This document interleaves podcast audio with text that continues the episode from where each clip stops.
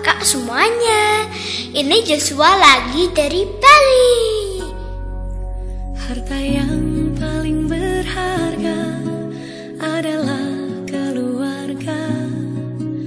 Senang banget loh kita jumpa lagi dalam Fresh Juice 2 Februari 2019.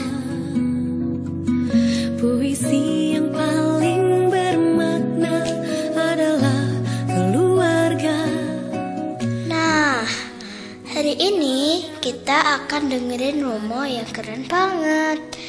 Namanya Romo Rudi Rakito Jati OMI. Selamat pagi Abah. Tema Fresh Juice hari ini adalah menjadi orang tua yang bahagia. Jadi buat om dan tante harus dengerin sampai habis ya. Untuk tampil perkasa bagi kami putra putri yang siap berbakti.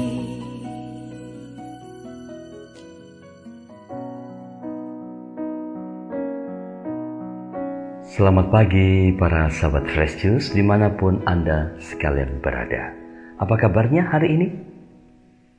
Semoga Anda sekalian sehat dan segar.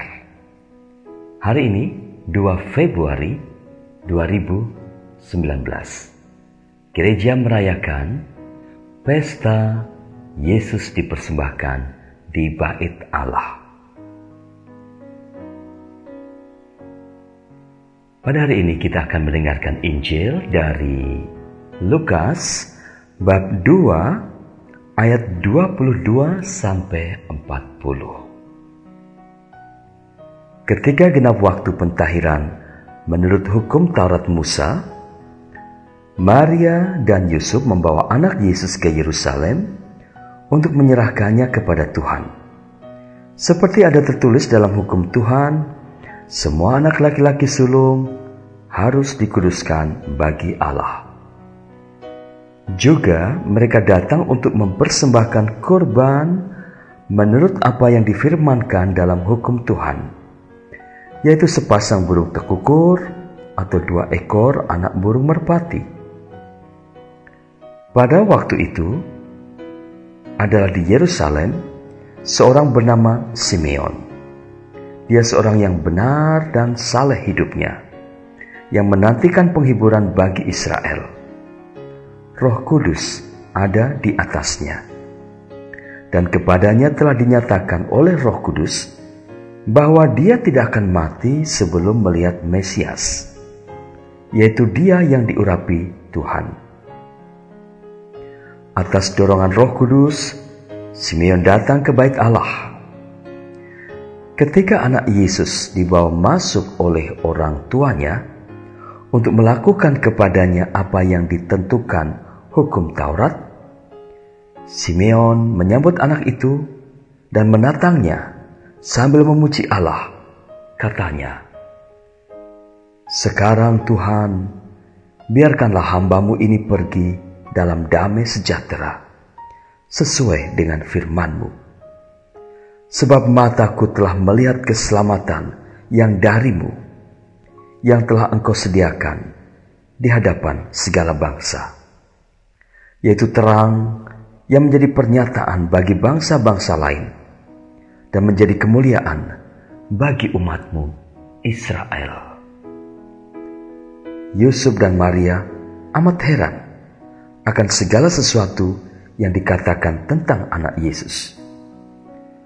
Lalu Simeon memberkati mereka dan berkata kepada Maria ibu anak itu, Sesungguhnya anak ini ditentukan untuk menjatuhkan atau membangkitkan banyak orang di Israel. Dan untuk menjadi suatu tanda yang menimbulkan perbantahan. Dan suatu pedang akan menembus jiwamu sendiri. Supaya menjadi nyata pikiran hati banyak orang. Ada juga di situ seorang nabi perempuan, anak Fanuel dari suku Asher Namanya Hana. Dia sudah sangat lanjut umurnya. Sesudah menikah, dia hidup tujuh tahun bersama suaminya. Dan sekarang dia sudah janda, berumur 84 tahun. Dia tidak pernah meninggalkan bait Allah. Dan siang malam beribadah dengan berpuasa dan berdoa. Pada saat anak Yesus dipersembahkan di bait Allah, Hana pun datang ke bait Allah dan bersyukur kepada Allah serta berbicara tentang anak Yesus kepada semua orang yang menantikan kelepasan untuk Yerusalem. Setelah menyelesaikan semua yang harus dilakukan menurut hukum Tuhan, kembalilah Maria dan Yusuf serta anak Yesus ke kota kediamannya, yaitu Nazaret di Galilea. Anak itu bertambah besar dan menjadi kuat, penuh hikmat dan kasih karunia Allah ada padanya. Demikianlah Injil Tuhan. Terpujilah Kristus.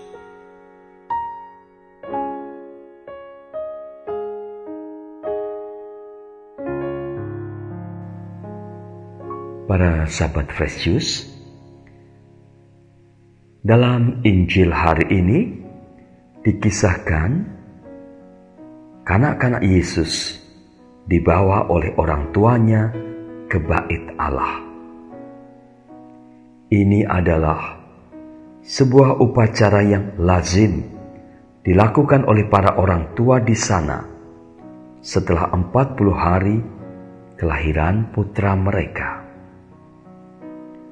Dan ketika genap waktu pentahiran, menurut hukum Taurat Musa, mereka membawa dia ke Yerusalem untuk menyerahkannya kepada Tuhan. Seperti ada tertulis dalam hukum Tuhan, semua anak laki-laki sulung harus dikuduskan bagi Allah. Ini sebuah tradisi yang mengungkapkan iman kita kepada Allah. Bahwa setiap anak adalah anugerah Allah. Dia ada karena kehendak Allah dan menjadi sebuah tugas yang dipercayakan Allah kepada pasutri tertentu untuk menjaga, mendidik, dan membesarkan anak itu. Bunda Maria dan Santo Yusuf juga sangat menyadari hal itu. Itu sudah jelas bukan sebuah tanggung jawab yang ringan. Apalagi saat di bait Allah, mereka juga berjumpa dengan seorang bernama Simeon yang mengatakan sesuatu semacam peringatan yang berat kepada mereka. Simeon memberkati mereka dan berkata kepada Maria ibu anak itu, Sesungguhnya anak ini ditentukan untuk menjatuhkan atau membangkitkan banyak orang di Israel. Dan untuk menjadi suatu tanda yang menimbulkan perbantahan dan suatu pedang akan menembus jiwamu sendiri, supaya menjadi nyata pikiran hati banyak orang. Sebuah peringatan yang tidak enak didengar, bukan? Meski demikian, sekurangnya ada dua pesan yang bisa kita petik dari Injil hari ini kepada kita, para orang tua, pada hari ini disadarkan kembali akan pelaksanaan tugas kita terhadap anak. Tugas itu pastilah tidak selalu mudah. Tetapi mari kita laksanakan dengan sikap ringan hati, friendly. Namun kadang demi kebaikan anak, kita perlu berani tegas juga terhadap anak. Kepada kita para anak, pada hari ini disadarkan untuk bersikap positive thinking, bahkan bersyukur bila orang tua mendidik kita untuk menjadi orang-orang yang baik dan benar, yang beriman kepada Tuhan. Tujuan sikap kita ini adalah supaya Tuhan Allah akan berkenan atau gembira terhadap orang tua kita. Sebuah cerita sebagai pemanis renungan hari ini. Dulu, seorang pemuda di Skotlandia bekerja sebagai pembantu pada seorang petani kaya, teman lama ayahnya. Pemuda itu bekerja dengan baik, tetapi setelah dua minggu, dia keluar, dia pulang ke rumahnya sendiri. Apakah pekerjaan di situ terlalu berat, Nak? Tanya bapaknya. Sama sekali tidak, Ayah. Jawabnya. Apakah upahnya terlalu kecil? Tanya bapaknya lagi. Tidak, Ayah. Jawab sang anak. Upahnya tinggi. Atau kamu tidak cocok dengan makanannya? Sang anak menjawab, makanannya selalu enak. Kalau begitu, kenapa keluar? Apa yang harus ayah katakan kalau sahabat ayah itu bertanya kepada ayah tentang kamu? Begini ayah. Pemuda itu diam sejenak Lalu lanjutnya, rumah itu tidak punya atap. Mendengar jawaban anaknya, sang ayah tersenyum. Dalam hati, dia merasa bangga atas anaknya.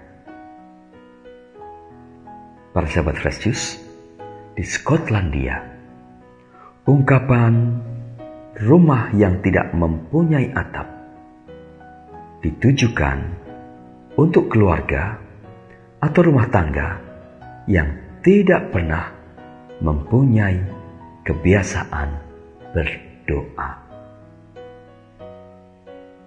Para sahabat Precious, sampai di sini perjumpaan kita hari ini. Semoga kita menjadi orang tua yang bangga atas anak-anak kita Semoga anak-anak kita mampu membuat hati orang tuanya bangga. Sampai jumpa. Om dan tante dan kakak-kakak semuanya, kita baru aja dengerin Fresh Juice 2 Februari 2019. Keren banget kan? Makasih buat Romo Rudi yang untuk fresh juice-nya. Sampai jumpa lagi semua dalam fresh juice besok. Dadah. Salam fresh juice.